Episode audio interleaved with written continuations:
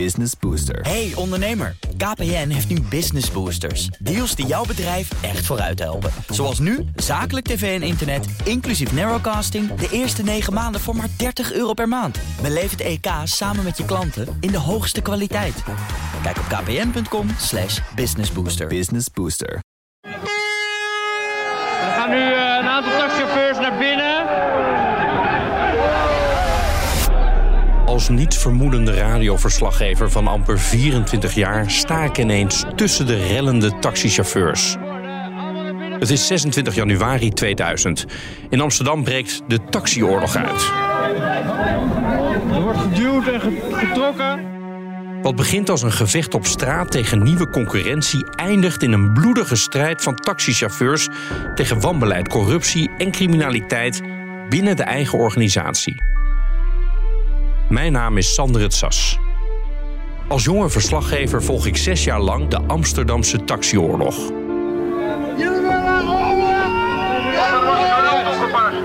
Nu gaat het echt mis. We, worden, we komen beklemd te zitten.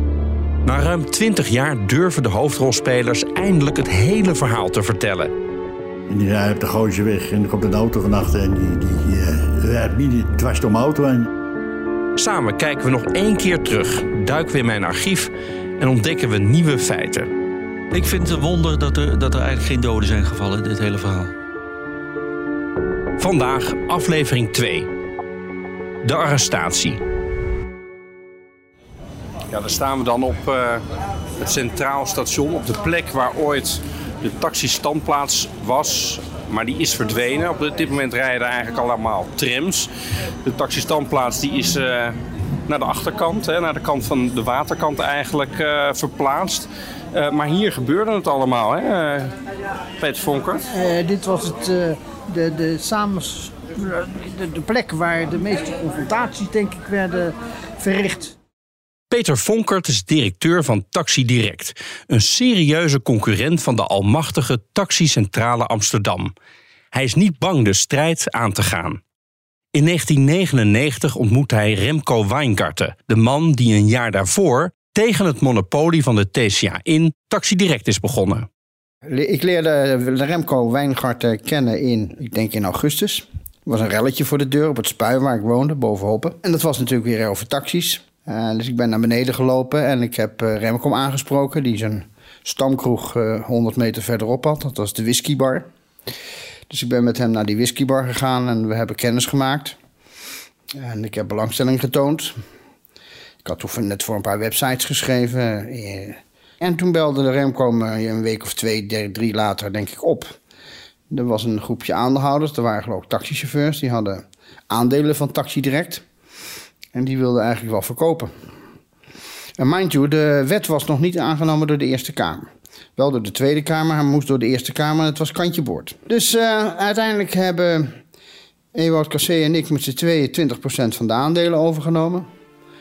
Voor, eh, ik geloof, 75.000 schulden, als ik me niet vergis.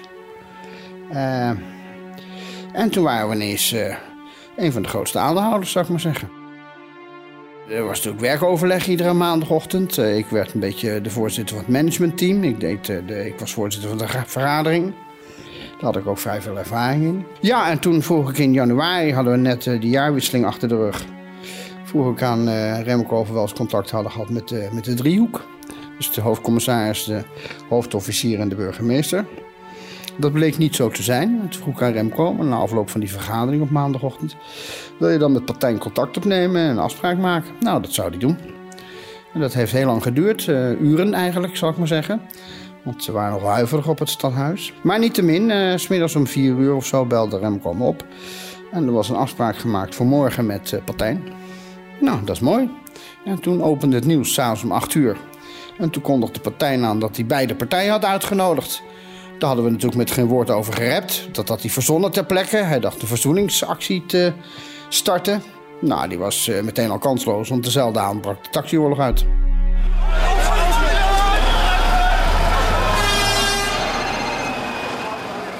Burgemeester Schelter Partijn dacht dus slim te zijn met zijn halfslachtige poging om tot een wapenstilstand te komen. Maar dat ontplofte direct in zijn gezicht. In mijn ogen het zoveelste teken dat de gemeente Amsterdam totaal geen grip heeft op de situatie. Maar wat is dat Taxi Direct nou eigenlijk?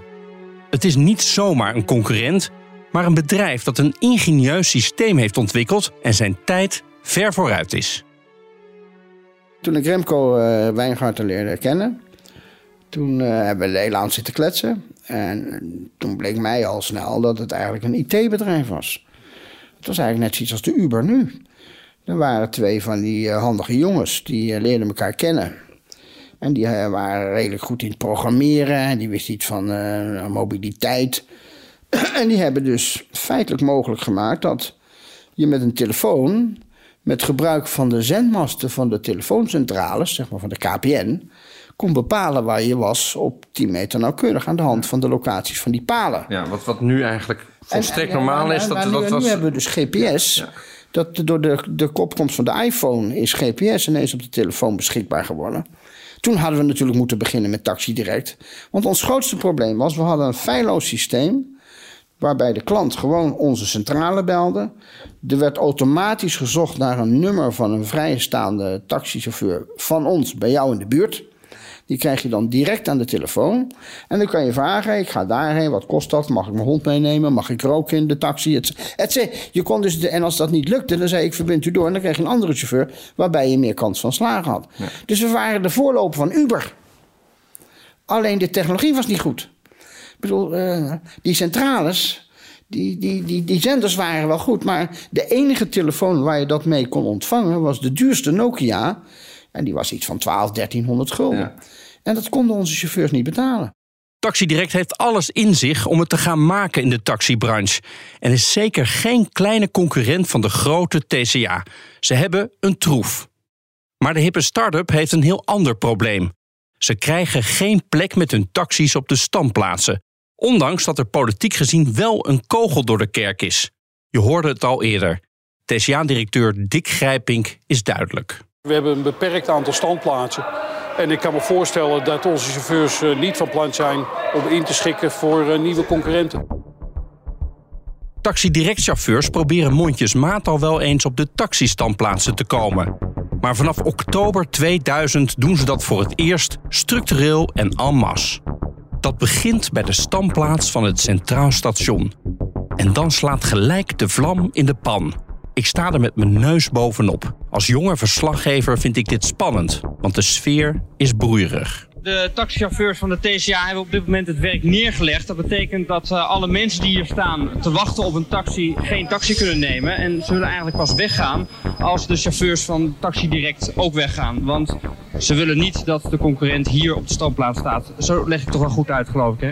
Oh, ongeveer, ja. ja. We worden dus uh, weer geprovoceerd en daarom, uh, daarom hebben we deze werkonderbreking gedaan. Want het is een vooropgezet plan met AT5, met de politie. AT5? Die staat er weer bij. Ze staan er altijd ja, maar wij staan er toch ook? Jawel, maar dat vind ik anders. Eh, op dit moment worden wat mensen uit elkaar gehaald. Uh, politie is hier inmiddels ook aanwezig. Ja, uh, grimmige sfeer, absoluut. Nou, rond 4 uur, dat is ongeveer een uur geleden, was er de eerste auto van Taxi Direct die hier op die standplaats kwam rijden. Mag ik jou een vraag stellen? U bent van Taxi Direct, hè? Ja. U staat wel op de standplaats van het Centraal Station. Ja, dat klopt. Maar het is, de bedoeling is ook dat we de standplaats op kunnen. Dus waarom, waarom zouden we er niet op kunnen? Het is voor het eerst hè, dat dit gebeurt? Uh, nou, we hebben het in het verleden al gedaan, maar dan krijgen we steeds last. Dus, uh, maar we moeten het blijven proberen om, uh, om, om, omdat we recht hebben om erop te staan. Ja. U doet wel en masse. Je bent niet de enige chauffeur die hier opeens is. Ben je niet bang dat er op een gegeven moment toch iets gaat gebeuren? Want ik bedoel, het is toch natuurlijk wel een beetje uitlokken. Nou, ik vind het, ik vind het niet uitlokken. Ik vind het, wat, wat de anderen doen is uitlokken. Ik bedoel, we hebben een wet waarbij, ik heb een vergunning waarbij ik op de standplaatsen mag staan. Dus waarom, waarom kan ik daar niet op? Want anders worden we van het kastje naar de muur gestuurd. Ik bedoel, ik, wat, ik, ja, het wild ben ik. Ja, is het een eenmalige actie of, of ga je, blijven jullie dit in vervolg zo doen? Nee, dit, uh, dit, de bedoeling is dat dit uh, veel vaker gaat gebeuren. Want we hebben het recht om op de standplaatsen te staan. Ik begrijp de frustratie van de TCA-chauffeurs. En dat hoor je wel erg duidelijk door mijn vragen heen.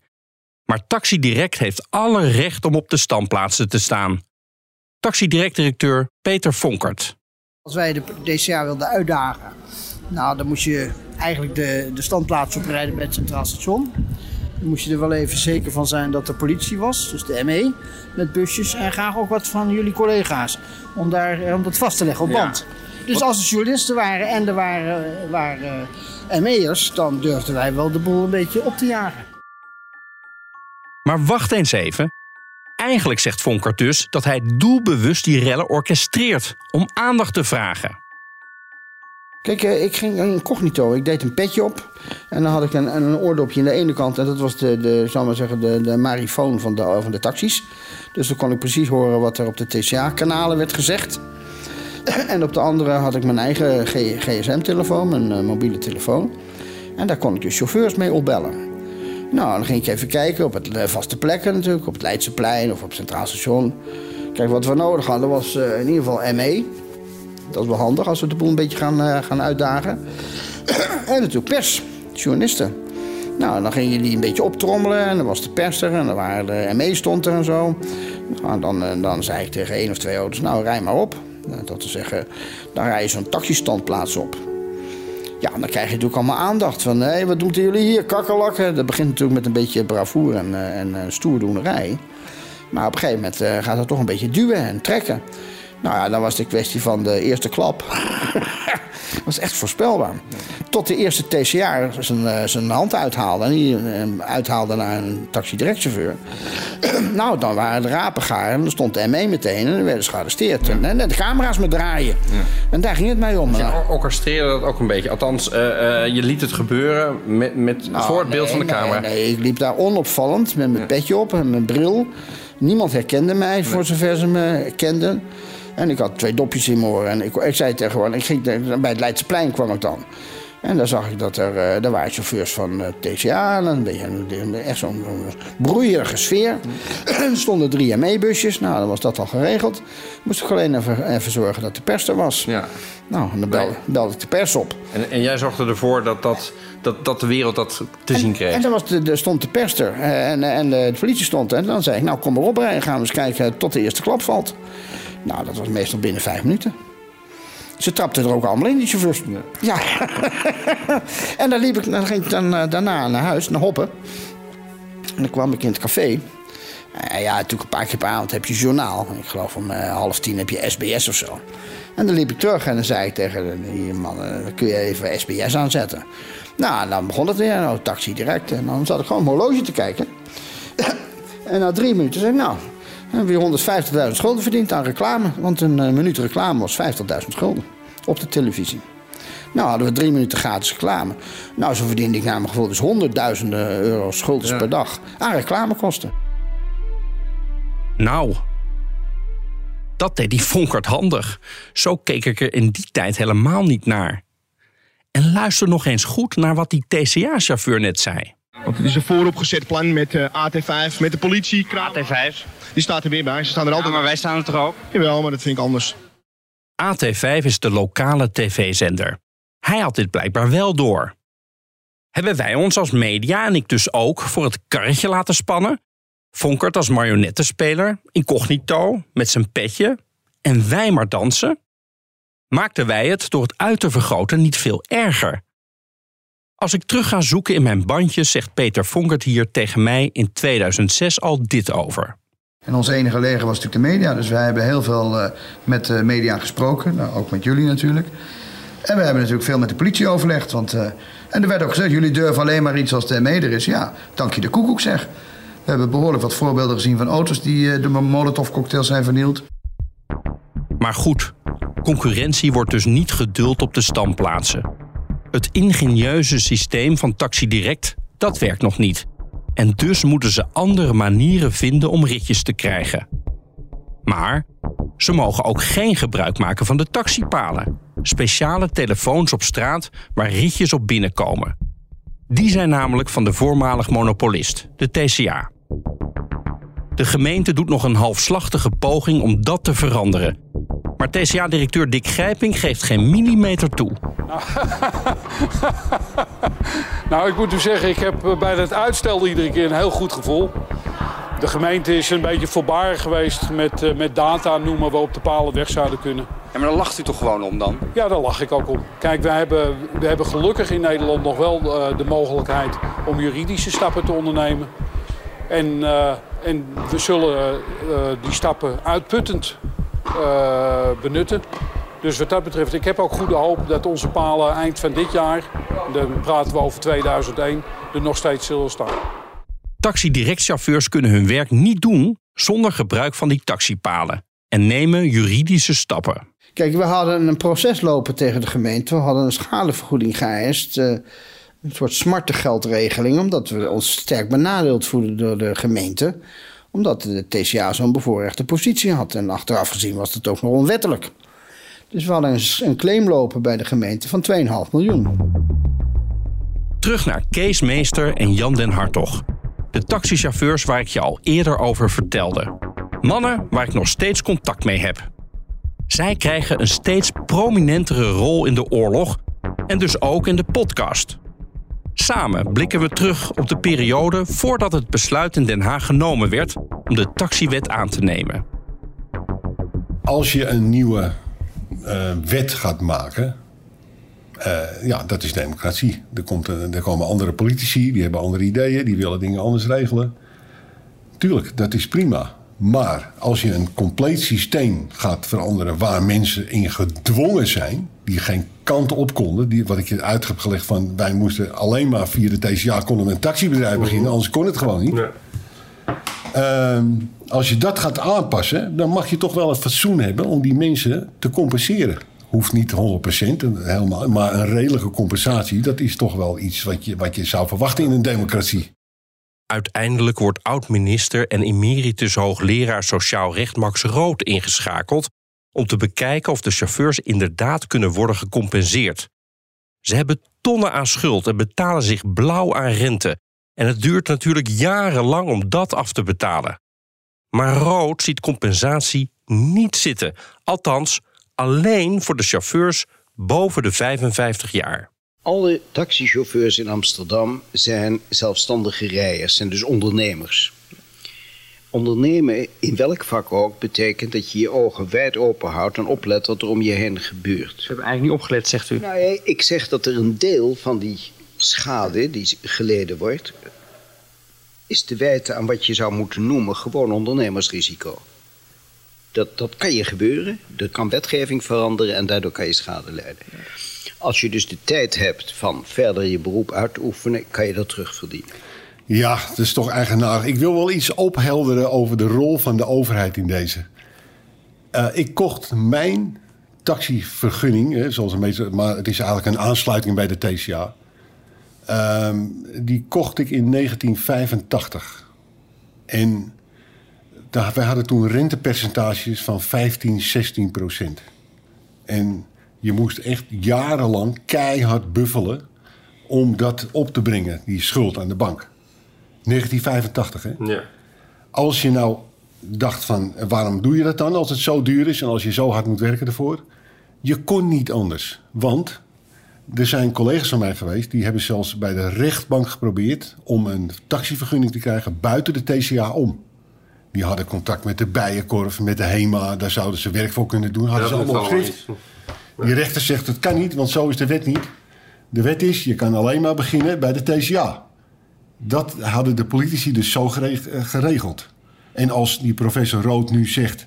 ja, waarom heb je dat nou gekocht in 1985? Dat had je toch wel aan kunnen zien komen... dat we in 2000 een andere wet gingen invoeren, 15 jaar later. Dat geloof je toch niet, hè? Wat is dat voor geloof? Dan moet je er ook even bij zeggen dat de gemeente Amsterdam bij zijn geld te verdienen. Want er zat een hele hoge ambtenaar bij. En voordat die vergunning op jouw naam stond... moest hij ook nog eens een keer tekenen. Ja, ik, ik, toen ik die, die vergunning ging kopen... Uh, was dat in, in de filiaal in de Javastraat van de ABN-bank. En daar zat bij uh, de verkoper, maar er zat ook een vertegenwoordiging van de wethouder van Amsterdam bij. En als die zijn handtekening niet zette, dan ging de hele verkoop van die vergunning niet door. Nee. Ze hebben zelf het hek om Amsterdam geplaatst. Hè?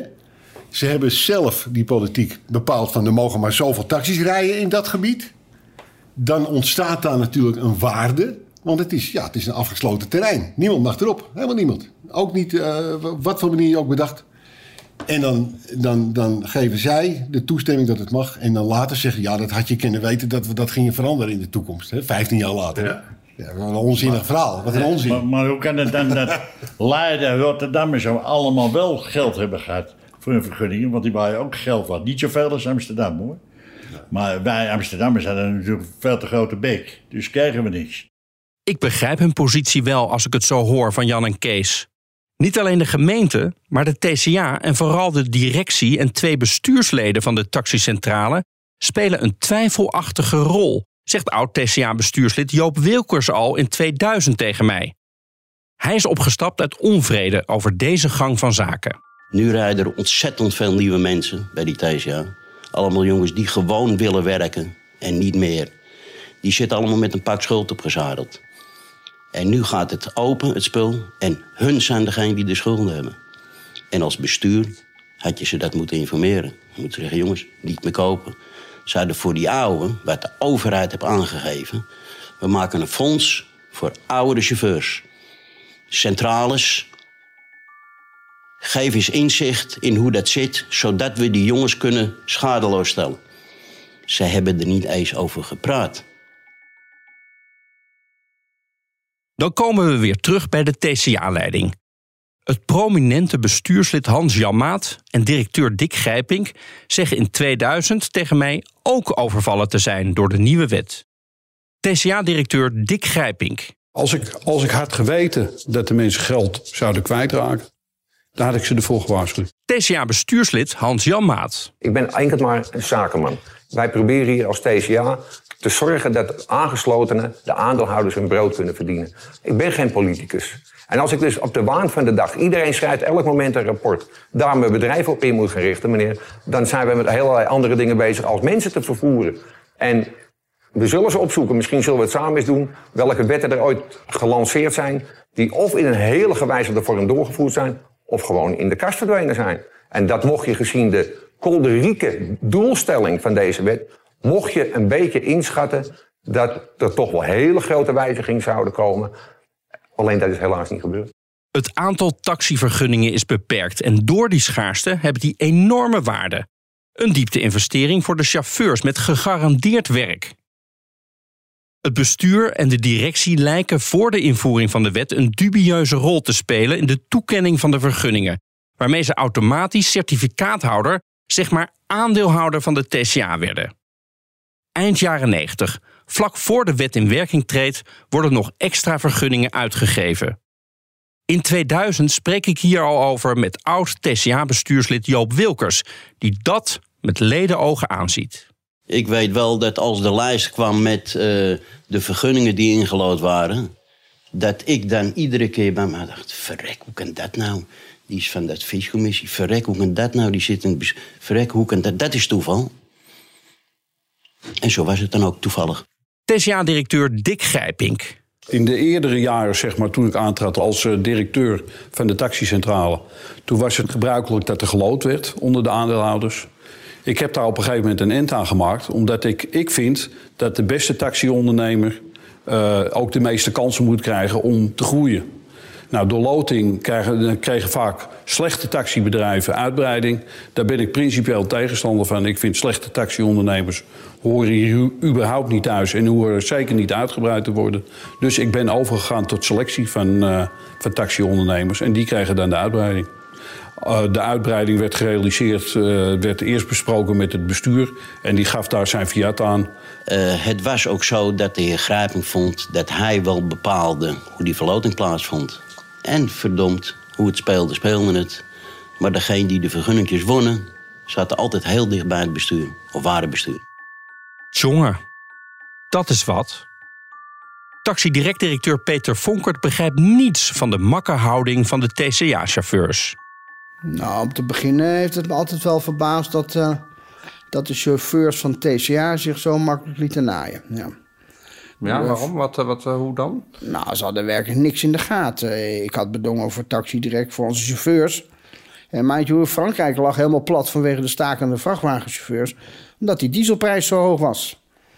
Nou ja, één telefoontje met Texaco en ik zat ineens aan tafel met de lokale directie. En eh, we kregen een korting van 17 cent per liter eh, als onze chauffeurs daar tankten. Nou, dat was nogal wat eh, op een prijs van 1,70 denk ik, dus 10% korting.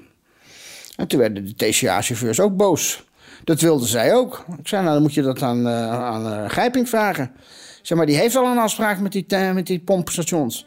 Die heeft die afspraak al zonder dat jullie het weten. Hij steekt dat geld al in zijn zak, net zoals de auto's van de Stergant die worden verkocht. Ja, de chauffeurs van de TCA moesten een Mercedes nieuw kopen met Stergam. Dat, dat, dat was een autobedrijf? Dat was de, de grootste Mercedes-dealer in Amsterdam. En de Stergam eh, verkocht die Mercedes en eh, er zit 8% commissie op. Ongeveer de bruto marge. En die ging dan naar een vage stichting waar we Van Gelder en Jan Maat en Grijpink eh, auto's reden. Een dikke Mercedes die betaald werd door die stichting. Dus die korting die die chauffeurs kregen, die ging al naar de zakken van het management. Dus er was niks meer uit te ponden. Dat was al uitgepond. En dat hadden ze niet in de gaten? Nee, en dat, dat heeft me altijd verrast eh, dat ze daar eh, nooit vragen over gesteld hebben. Nou, de TCA-chauffeurs zijn dus echt uitgemolken. Het is ook begrijpelijk, de emoties van de jongens lopen zo hoog op. Dat, dat hou je niet tegen. Je zit, je zit in iemands inkomen. En als je in iemands inkomen zit... Je hoort hier taxichauffeur Kees Meester. Hij lijkt dan misschien een oproerkraaier. Hij hangt altijd in lantaarnpalen en jut iedereen op als leider van de rebellenclub bij de TCA. Maar schijnbedriegt. En iedere keer als wij dat demonstreerden, op de Dam of een rondje door de stad lopen, dan maakte ik de afspraken hoe we gingen lopen, wat we gingen doen. En dan bleef ik altijd vooraan lopen. Dus eh, alles volgde mij altijd. Ik liep altijd vooraan. En dus, als nou iedereen goed had na kunnen denken, die chauffeurs, en dat konden ze niet, konden ze maar niet. Ja, dan gebeurde er van alles met die chauffeurs, met de politie, arrestaties, vastzitten, weet ik veel. Maar ik liep vooraan en mij gebeurde nooit wat. Hoe kan dat dan? Ik klom eh, op een gegeven moment een keer ook bij een demonstratie in een paal bij het Centraal Station. Sprak ik 500 man dan. We stoppen er nu mee. We gaan weer in de auto. We gaan weer werken. En we komen elkaar volgende week weer tegen. Of in Den Haag, of in Hoofddorp, of in Rotterdam. Als een ander in een talenpak word je al ge- gearresteerd bij wijze van spreken. Ik deed gewoon wat de politie was. nodig. Je had geen megafoon nodig. Nee, eh, totaal niet, want dat deed ik ook even eh, met mijn stem. Zo regelde ik het destijds. Maar ik had het altijd in overleg, deed ik het met de politie. Ja. En dat wisten die chauffeurs eigenlijk helemaal niet. Niemand wist het, zelfs Jan niet. Nee, dat wist ik ook niet. Nee, dat wist ik ook niet, eerlijk niet. Nee, nee, nee dat hoorde ik later pas. Ja. En zo ging het. Zo, zo, zo ging het. En iedere keer weer, als er wat was, stond ik altijd met mijn neus vooraan. En ik, ik stond er altijd bij, ik keek ernaar. En ik regelde het ook. Ik Ja. wist het niet, maar hier is wel natuurlijk de basis gelegd. Waardoor Kees mij op een gegeven moment erop aansprak van Jan, we moeten met de politie gaan praten, want het gaat fout. Kees had die contact al. Ik totaal niet. Ik wist niet wat hij net vertelde, daar wist ik ook niet van. Hè, eh, maar hij had dus al die contacten. En toen zei hij, ja, we moeten iets doen, want het wordt te gevaarlijk. Het wordt te gek. Ja. En toen ben ik daarin meegegaan. Dus Kees praat met de politie. Over dingen in de centrale die het daglicht niet kunnen verdragen. Het is dus allemaal een act. Ik had contacten al toen wij aan het demonstreren waren tegen de wetgeving. Toen dacht ik, die gaap ik zeg, we moeten dit doen, we moeten zus doen, zo doen. Ik denk, maar dat ga ik overleggen. En toen ben ik naar Klaas Wilting geweest, heb ik een gesprek gehad. En daar kwamen de contacten uit. Dat Kees samenwerkt met de politie verandert mijn beeld van hem volledig. Eind 2000 komt de boel ineens in beweging. Op straat gaan geruchten dat Dick Grijpink en twee TCA-bestuursleden, Hans-Jan Maat en Bub van Gelderen, op korte termijn gearresteerd zullen worden. De jonge, nieuwsgierige verslaggever die ik ben wil daar veel meer van weten. Maar als ik Grijpink bel, houdt hij aanvankelijk de boot af. En dus ga ik vervolgens posten voor de ingang van het TCA-kantoor, net zolang totdat Grijpink naar buiten komt. Hij laat me uiteindelijk toch binnen en een bizar interview volgt. Ik verwacht het eerlijk gezegd wel, ja. Ik, eh, ik, hoor dat er een, eh, een aanhoudingsbevel ligt, dus ik eh, wacht dat maar even af. Een aanhoudingsbevel. En ehm, waar wordt u dan van verdacht? Ik heb begrepen dat men mij beticht van onrechtmatige verrijking in verband met de handel in taxivergunningen. En dat is echt, ik mag u eerlijk zeggen, het is te gek voor woorden dat men daar, me- mij daarvan beticht. Maar ja, het is niet anders. Ja, maar het verzinnen is toch niet zomaar, hè, zou je zeggen? Nou, ik moet u heel eerlijk zeggen dat ik zo langzamerhand het gevoel krijg dat we hier een kolonelsregime hebben in plaats van een rechtsstaat. Ik, eh, ik heb het gevoel dat de Nederlandse overheid eh, andere regels hanteert voor de TCA dan voor de rest van de burgers. Hoe zou dat dan komen? Ja, nou goed, wij, eh, wij verzetten ons natuurlijk toch eh, tegen de nieuwe taxiwet. En kennelijk eh, zijn er nogal wat ra rancuneuze mannetjes en vrouwtjes binnen de overheid... die hun kans schoon zien om op een gegeven moment toe te slaan. zeg we hebben nu over een onderzoek dat loopt van justitie. Naar u en naar de taxicentrale Amsterdam. Dat heb ik gehoord, ja. Dat er al een tijd een gerechtelijk vooronderzoek loopt. En dat men nu de tijd gekomen acht om maar eens te kijken... Of, of er niet wat uit meneer Grijpink geperst kan worden. Is het alleen meneer Grijpink? Wat ik tot nog toe gehoord heb, wel ja. Het is een aanfluiting voor een rechtsstaat. Want ik, ik weet zelf maar al te goed dat ik me nooit heb schuldig gemaakt aan wat voor manier van bereik, verrijking dan ook nog geen gulden. En als je er dan van beticht wordt, ik ben er zo ongelooflijk kwaad over. Kwaad en teleurgesteld? Nou, teleurgesteld niet meer. Ik ben in dit, ik, men kan mij in dit land niet meer teleurstellen. We hebben al eh, meegemaakt dat het GAK, de Rijksverkeersinspectie, NMA, eh, gemeente Amsterdam, eh, professor Rood. Iedereen wordt in geweer gebracht om eh TCA neer te sabelen. En ik, eh, ik zie dit slechts als een volgende stap in een, zeg maar, een terreurproces. Dat is eigenlijk raar, hè? Ik bedoel, u weet dat u gearresteerd gaat worden, althans eh, die kans is vrij groot. Ehm, u blijft hier gewoon, u slaat gewoon thuis? Ja hoor, ik, eh, probleem. ik doe gewoon mijn werk en ik... eh, U wacht wel af? Ik zie, ze, ik zie het wel gebeuren en eh, ik vrees dat de heer, eh, nou ja, heel weinig aan me zullen hebben. Verwacht u dat u snel weer eh, op vrije voeten bent dan? Nee, dat verwacht ik niet. Want ik heb, ik heb namelijk eh, met eh, de heren van de politie en justitie niets te bespreken. Dus dat zal waarschijnlijk tot gevolg hebben dat ik wel, als men mij, mijn, met mij wenst op te pakken, dat het ook wel enige tijd kan duren voordat ik weer op vrije voeten ben. Ziet u er tegenop? Nee, ik zie daar niet tegenop. Ze, ze bekijken het maar. Maar ik kan u één ding verzekeren. Dat, eh, dat daarna dat muisje nog een staartje zal hebben. Het muisje krijgt een staartje, wat heet een staart. De bestuursleden Hans Janmaat en Bub van Gelderen maken feitelijk de dienst uit bij de taxicentrale Amsterdam. Gijping stuurt naar aanleiding van dit interview namens TCA een bizarre kerstkaart. Een foto waarop hij en deze twee bestuurders zich in gestreepte boevenpakken hebben gehesen. Dat kan ook misdaadverslaggever Paul Vug zich nog goed herinneren. Ze hebben een foto van eh gedrieën in een, in een polonaise in eh, gevangenispakjes. Zoals je in tekenfilms eh, van die zwart-wit gestreepte gevangenispakjes hebt. Beetje de Daltons, hè? Ja, en die gingen ze doorsturen, rondsturen. Ja, het was wel... Dus ik, ik, ik vond toen dat, het- dat ze niet zonder gevoel voor humor waren. Amsterdamse humor die uiteindelijk waarheid wordt. Want op 27 februari 2001, drie maanden na het interview, is de arrestatie van Dick Grijpink en de twee TCA-bestuursleden in de vroege ochtend een feit.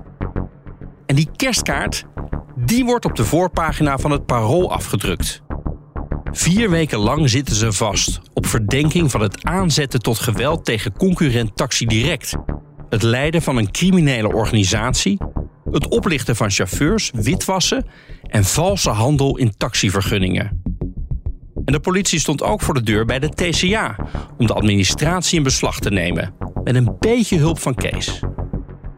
Ik wist exact precies wanneer ze kwamen. En ik liet mijn inspector een eh bevriende chauffeur voor de centrale neerzetten met de taxi. En ik had afgesproken dat ik daar werd gearresteerd. Maar ik had overal sleutels van. Dus ze konden zo naar binnen lopen, die politie. Dat was met mij afgesproken. En niemand wist het, ook Jan niet. Niemand wist het. Nee, jij zat eigenlijk in het complot. Ja, ja, ja eigenlijk wel, ja. Ja. Maar ik jij wist niks, even- Jan? Jan wist het niet. Ik wist nergens van. Nee. nee, dat heeft Kees al ingeregeld, inderdaad. Ja. Nou goed, dat is ook beter zo dan dat ze de deur moeten openbreken of een rare fratsen moeten uithalen. Dit ging natuurlijk helemaal eh, gesmeerd. Maar was jij verbaasd dat, eh dat Grijpink, Jan Maat en Van Gelderen opgepakt waren in één keer? Wij wisten al, wij wisten al zoveel van dingen.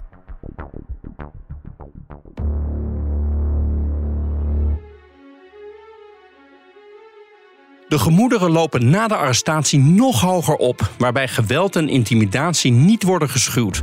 En kritische chauffeurs krijgen nauwelijks werk. Wij moesten echt dag en nacht rijden, gewoon zes dagen in de week, gewoon 12 tot 14 uur. Omdat wij via de centrale alleen maar hele kleine ritjes kregen. Jan neemt tijdelijk de leiding over van de taxicentrale Amsterdam. In de periode dat het TCA-trio vastzit. En daar ontdekt hij dat al zijn vermoedens kloppen. Er is bij de TCA van alles aan de hand dat niet door de beugel kan. Er kwam op een gegeven moment een fax binnen uit Saoedi-Arabië. En dat ging over 100.000 US dollar. Uit, uit Saoedi-Arabië. Saoedi-Arabië, ja. Ik denk, nou, daar hebben wij toch weinig taxis rondrijden. Ik, eh, ik weet niet hoe dat zit. Jan krijgt zo onbedoeld een kijkje in de keuken en schrikt zich rot. En dan zegt een kopstuk van de onderwereld zelf ook nog betrokken te zijn bij de centrale. Vertelt misdaadverslaggever John van de Heuvel. Jan en Kees die kwamen daarachter op een moment. En die gingen daartegen vechten. Dat vind ik buitengewoon knap hoe zij dat in die periode hebben gedaan. Met eigenlijk wel gevaar voor eigen gezondheid en veiligheid. Eigenlijk waren ze gewoon aan het vechten tegen de maffia. Dat in de volgende afleveringen van De Taxioorlog.